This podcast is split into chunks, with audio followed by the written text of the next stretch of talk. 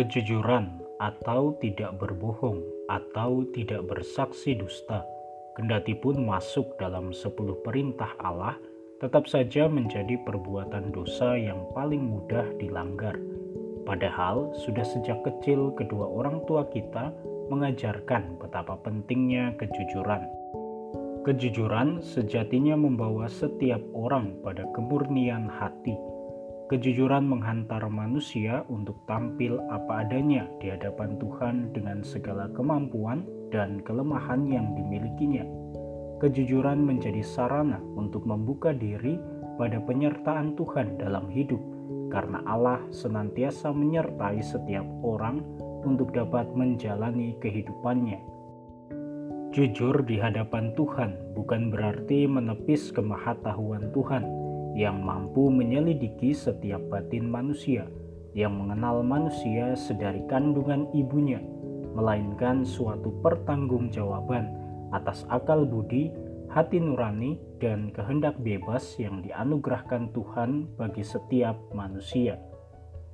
Teks kitab suci dari kisah para rasul bab 5 ayat 1 sampai dengan 11 tentang Ananias dan Safira mengungkapkan pesan bahwa dosa secara khusus diwakili oleh dosa kebohongan justru menghantar manusia pada maut atau kematian.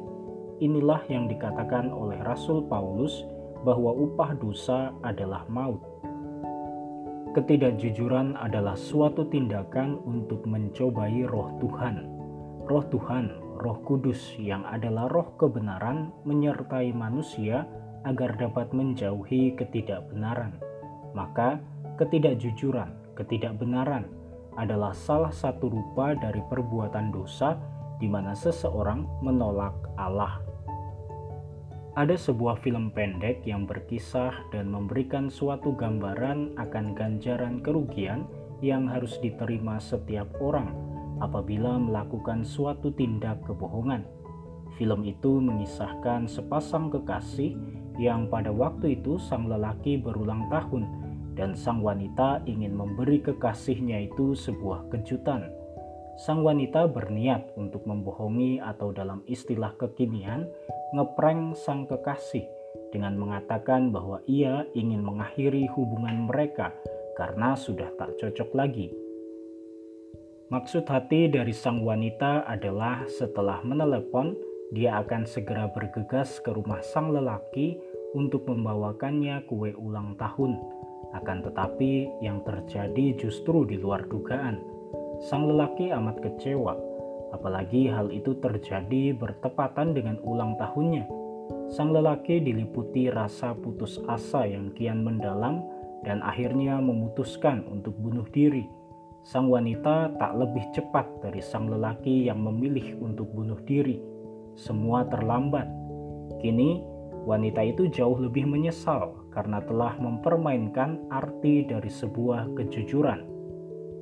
Kebohongan dewasa ini justru tidak dihindari, melainkan dijadikan sebagai sebuah momen untuk sarana hiburan. Video-video prank atau skenario kebohongan justru menjadi konten-konten yang paling banyak ditonton oleh orang-orang di platform dunia digital bernama YouTube. Orang dibiasakan untuk akrab dengan kebohongan. Dosa tak lagi dipandang sebagai kelemahan, tetapi justru dipermainkan demi kepuasan duniawi. Maka di situlah terjadi suatu kemerosotan terhadap daya pikir akal budi, ketumpulan hati nurani, dan penyalahgunaan kehendak bebas. Ketidakjujuran mesti dilawan dengan keterbukaan diri dan kerendahan hati Santo Yohanes Klimakus mengatakan, kerendahan hati adalah hal yang tidak bisa ditiru oleh iblis. Saya rasa tepat apa yang dikatakan oleh Santo Yohanes Klimakus itu, karena setan atau iblis terdiri dari keangkuhan dan penolakan terhadap Allah. Melalui sakramen rekonsiliasi, kerahiman Allah dihadirkan Allah mengundang manusia untuk masuk pada pertobatan dan penyesalan atas dosa-dosa. Mengaku dosa adalah suatu tindak kejujuran. Manusia menyadari kesalahannya dan mau dengan rendah hati mengakuinya. Justru menutup-nutupi dosa adalah wujud dari keangkuhan diri. Maka, kekudusan hidup pertama-tama mesti dilanggengkan pesiarahannya melalui keterbukaan hati kepada Allah. Dengan begitu, setiap orang mempersiapkan dirinya untuk mau dibentuk oleh Allah. Kejujuran senantiasa diusahakan, bukan semata-mata karena dihantui oleh ketakutan akan hukuman atau konsekuensi negatif lainnya, akan tetapi kejujuran dihidupi oleh karena setiap orang menyadari bahwa kebohongan adalah dosa yang menjauhkan dirinya dari Tuhan.